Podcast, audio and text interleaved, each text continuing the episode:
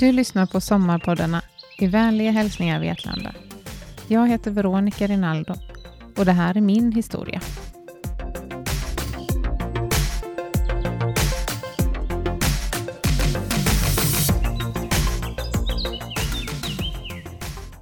När jag fick frågan om jag ville vara med i Sommarpoddarna tyckte jag att det lät både kul och skrämmande. Så jag svarade ja. När jag svarat kom nervositeten. Vem skulle vilja lyssna på min historia?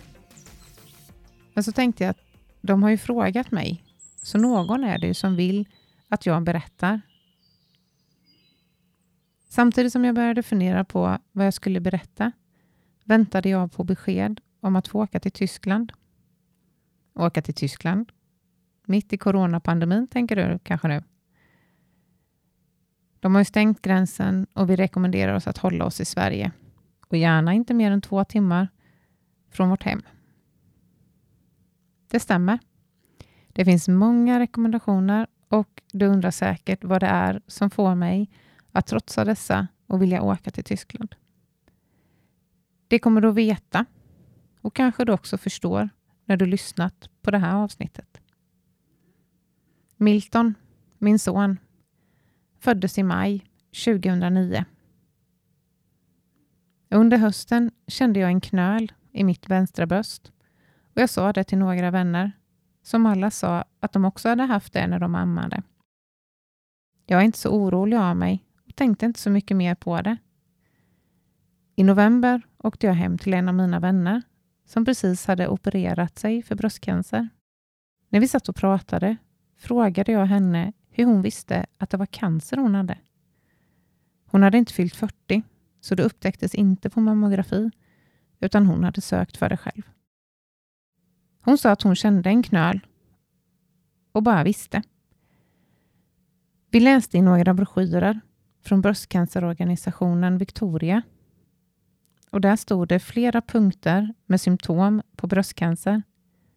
Det var bland annat knöl i bröstet eller i armhålan, knutor i vävnaden, rodnad, apelsinhud och indragen hud.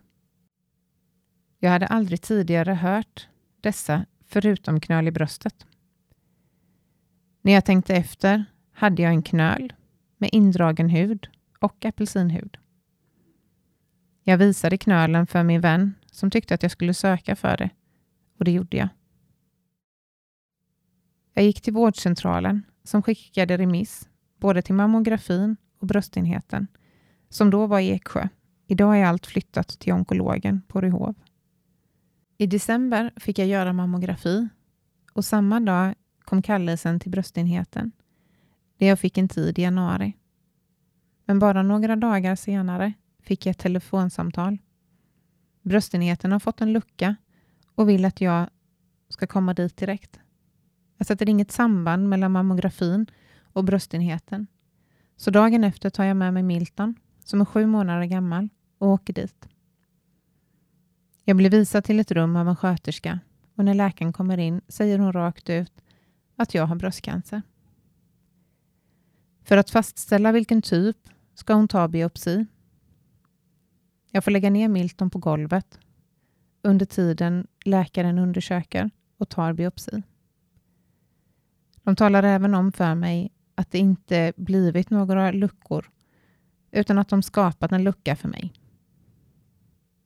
Just då fattade jag inte allvaret. Blev lite chockad eftersom jag inte räknat med att få något besked. Trodde bara det var undersökning.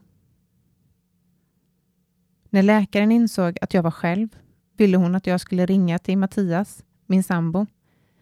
Hon tyckte inte att jag skulle köra själv med en liten i snökaoset och ett cancerbesked. Jag ringde några samtal och när jag ringde min syster började vi båda gråta. Kommer ihåg att jag satt i bilen på väg att fira jul med Mattias familj i Ulricehamn och fick massa god jul-sms. Det kändes konstigt att bara skriva god jul tillbaka och skriva att jag hade fått cancer det vill jag inte göra. Så jag ringde upp nästan alla och berättade. Jag har alltid varit öppen med det och oroar mig inte så mycket. Det blev en mysig och trevlig jul, trots tråkiga nyheter. Jag och Mattias hade tidigare pratat om att vi kanske skulle gifta oss. Nu blev det en självklarhet för oss. Skulle jag inte överleva detta så skulle det bli enklare för Mattias. I januari påbörjade jag min behandling med cellgifter. För de kunde inte operera direkt då det var inflammerat runt tumören. Jag fick åka till Jönköping var tredje vecka fram till april när det blev operation. Efter operationen fick jag tre omgångar med cellgift och sedan strålning i fem dagar i fem veckor. Efter avslutad strålbehandling fick jag tabletter som jag skulle äta i fem år för att minska risken för återfall. Jag gick på årliga kontroller och efter något år ändrade de tidsramen för tabletterna till tio år. De hade även kommit fram till att för låga halter av D-vitamin kunde öka risken för återfall. Så jag fick testas och jag hade ett värde på 102. Fick veta att allt över 58 var bra. Detta var i januari 2013 och i juni 2012 hade jag börjat dricka ett näringstillskott, vilket jag var otroligt tacksam för nu när jag såg resultatet. Det är en dag i oktober. Jag och Milton busar i soffan. Han hoppar på min mage och det gör så ont att jag kurvar ner Milton från soffan. Milton blir rädd och ledsen för han tror att han har skadat mig. Jag ber Milton om förlåtelse för att jag reagerade som jag gjorde och talar om för honom att det inte är hans fel. Vi kramas och han blir lugn. Jag känner efter där han hoppat och känner en knöl som går att flytta på i nedre delen på magen. Jag ringer och bokar tid på gyn. Läkaren som undersöker mig ser en knöl på höger äggstock. Det läkaren ser som positivt är att knölen är flyttbar. Tumörer är nästan alltid fasta. Det var självklart lite oroande. Men jag tog fasta på att det var en flyttbar knöl och tänkte att det bara var en cysta. Enligt läkaren krävdes en operation för att kunna fastställa exakt vad det var för knöl. Det var jobbigt att vänta på att få en tid för operation. Och när jag väl fick det var det i mellandagarna i Linköping. Att oroa sig för vad som kanske kan hända är inte riktigt min grej. Så det blev en bra jul även detta året. Att ha en femåring och hans förväntningar på julen gjorde det självklart lättare att släppa mycket på funderingarna. Mattias och Milton lånade en lägenhet så de kunde vara med i Linköping. Och det var otroligt skönt att veta att de skulle finnas där efter operationen. När jag vaknade fick jag veta att det var cancer och att det fanns på båda äggstockarna och i livmodern. Så allt hade tagits bort. När Milton och Mattias kom till mig på sjukhuset frågade Milton om jag hade samma cancer som morfar. Min pappa drabbades av tarmcancer och dog samma år som Milton skulle fylla fyra år. Jag sa att det inte var samma som morfar och han blev lite lättad, för i hans värld dör man av tarmcancer som morfar hade. Men jag hade ju överlevt bröstcancer, så då var det inte så farligt. Det visade sig att det var spridd bröstcancer. Det innebär att den är kronisk. Och ledde till röntgen och återbesök till onkologen var tredje månad. Även om Milton kunde känna en liten lättnad över beskedet på sjukhuset var han rädd och orolig att jag skulle dö. Det gjorde att han inte klarade av att sova borta.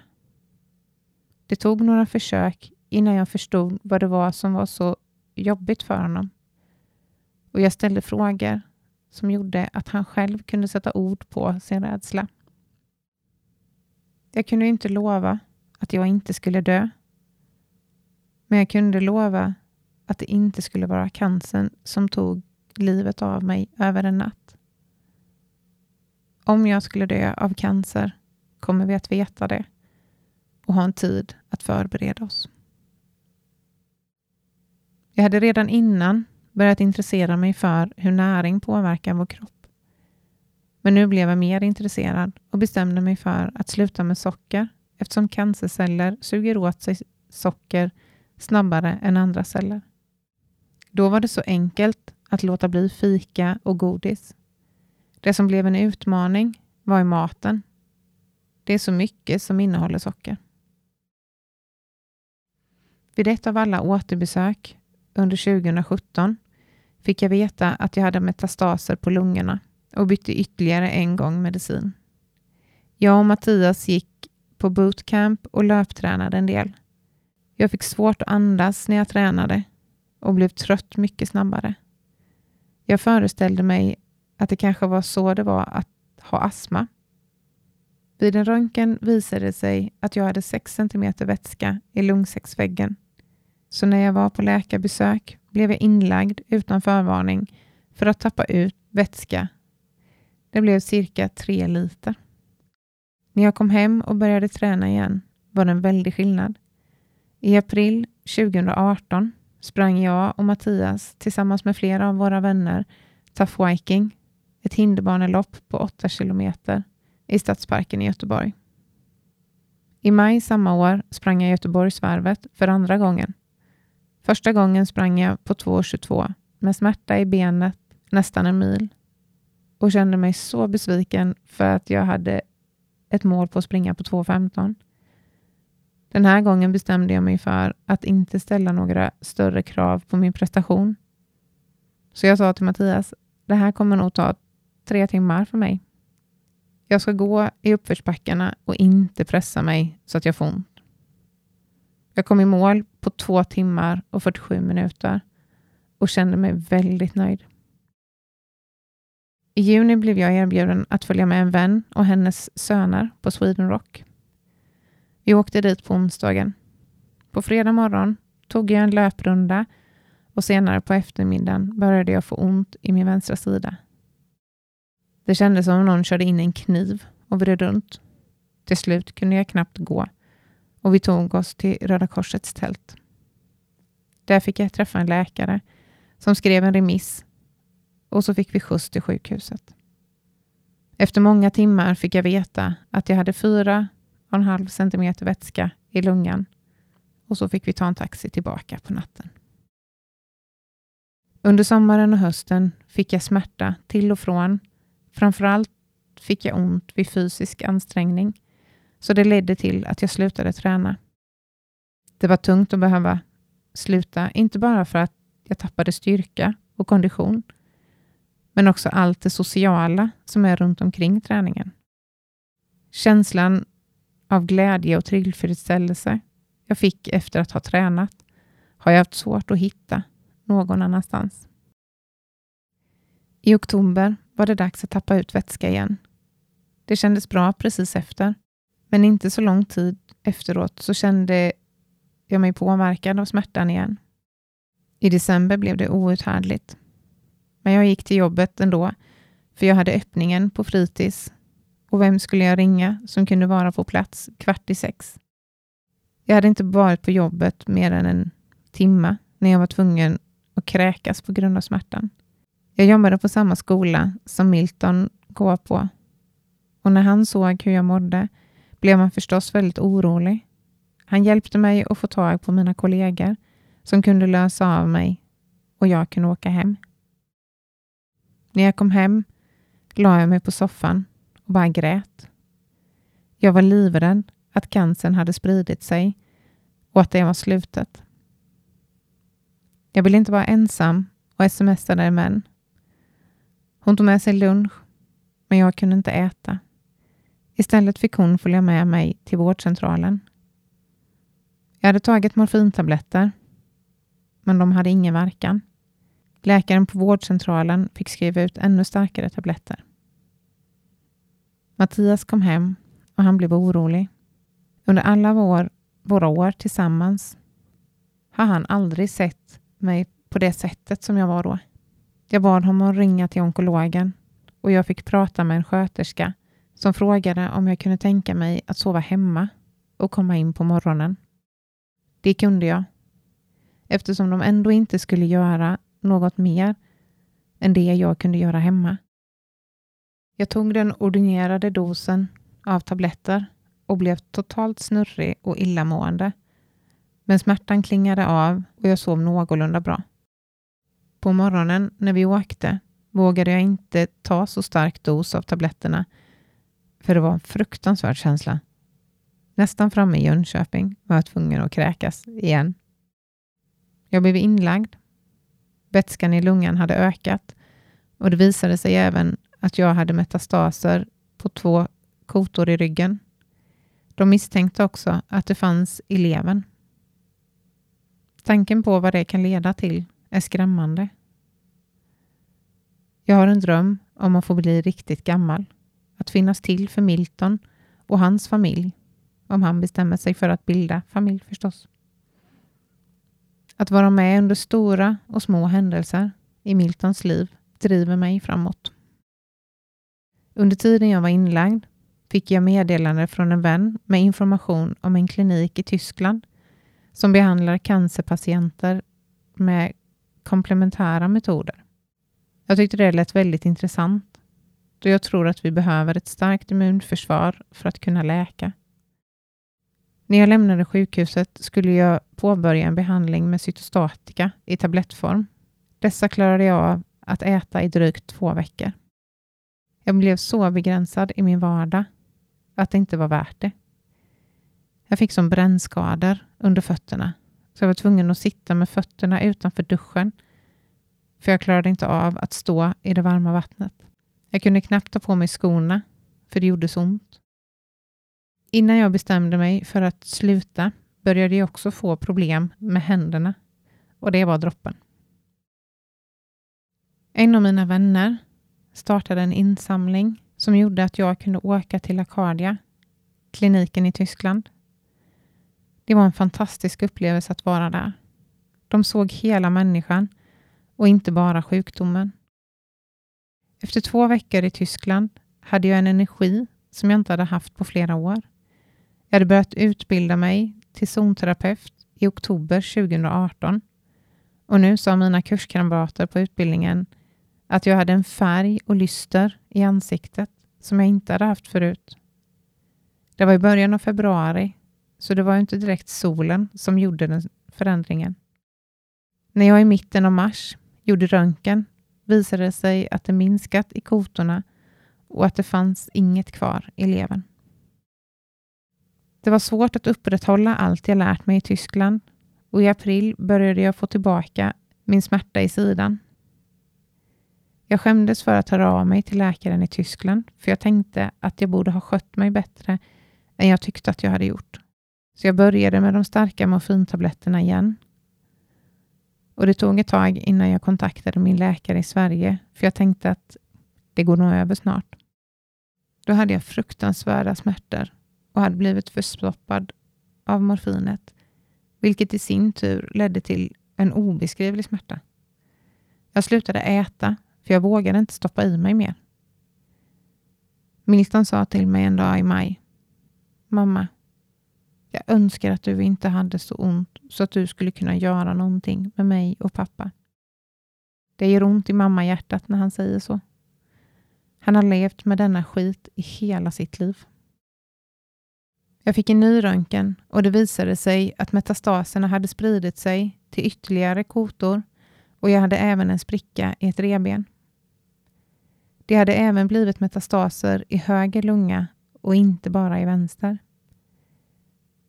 Jag fick samma cytostatika, alltså cellgift, som 2010. Jag mådde relativt bra under tiden. De dagar jag fick behandling stärkte jag mig med högdos C-vitamin, vilket minskade biverkningarna. I december var jag tvungen att sluta med den cytostatikan. Jag hade nått maxdos för vad de vågar ge.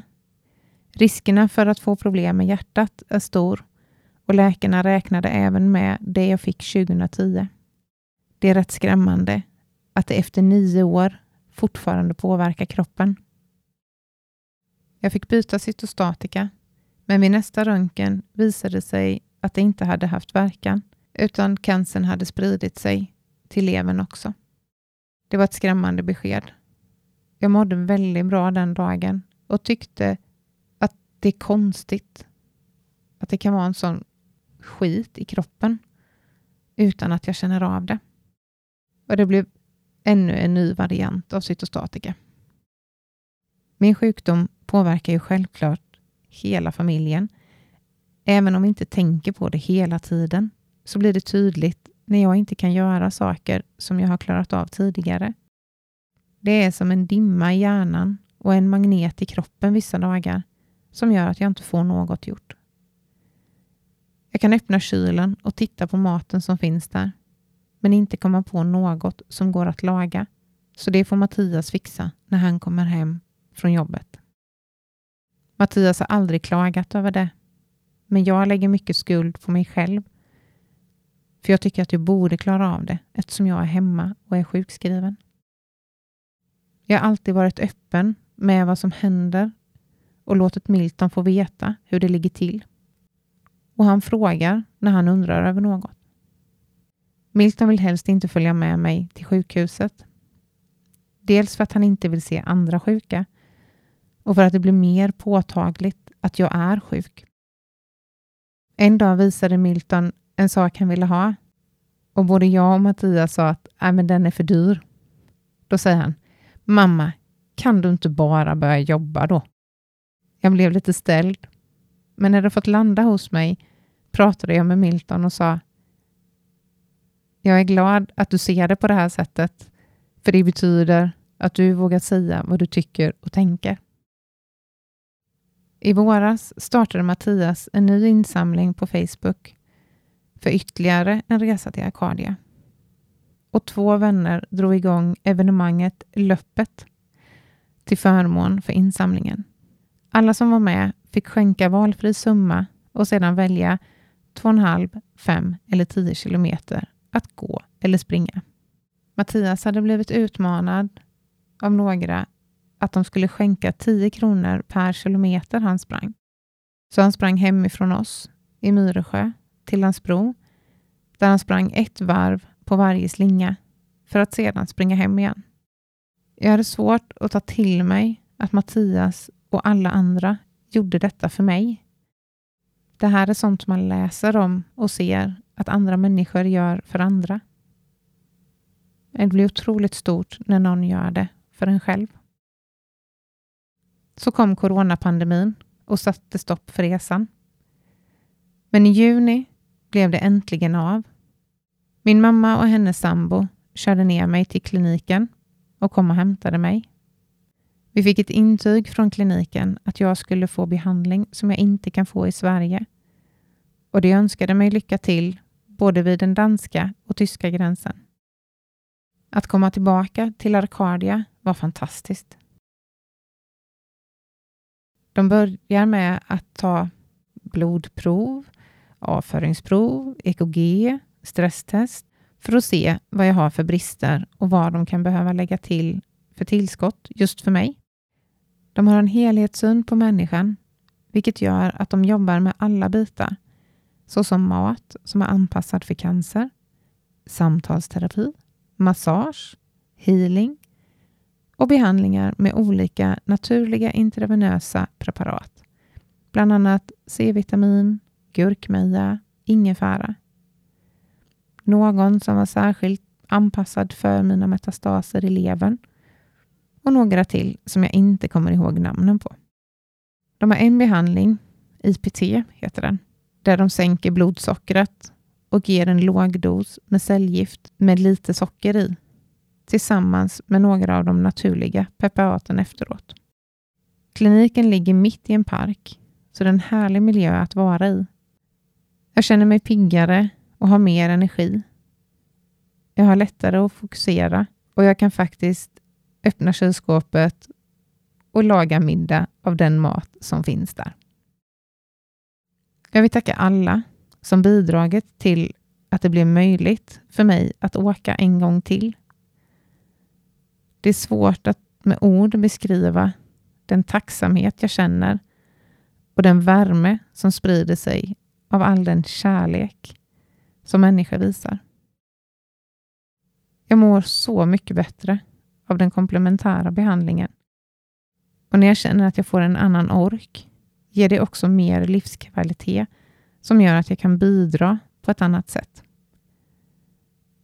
Att känna att jag faktiskt är sugen på att jobba är stort. Jag tror inte jag är ensam om att ha ett behov av att känna sig behövd och att kunna bidra. Jag önskar att jag under min livstid får uppleva en förändring på synen på komplementär och alternativ medicin i Sverige. Du har lyssnat på Sommarpoddarna i vänliga hälsningar Vetlanda. En poddproduktion av Vetlanda kommun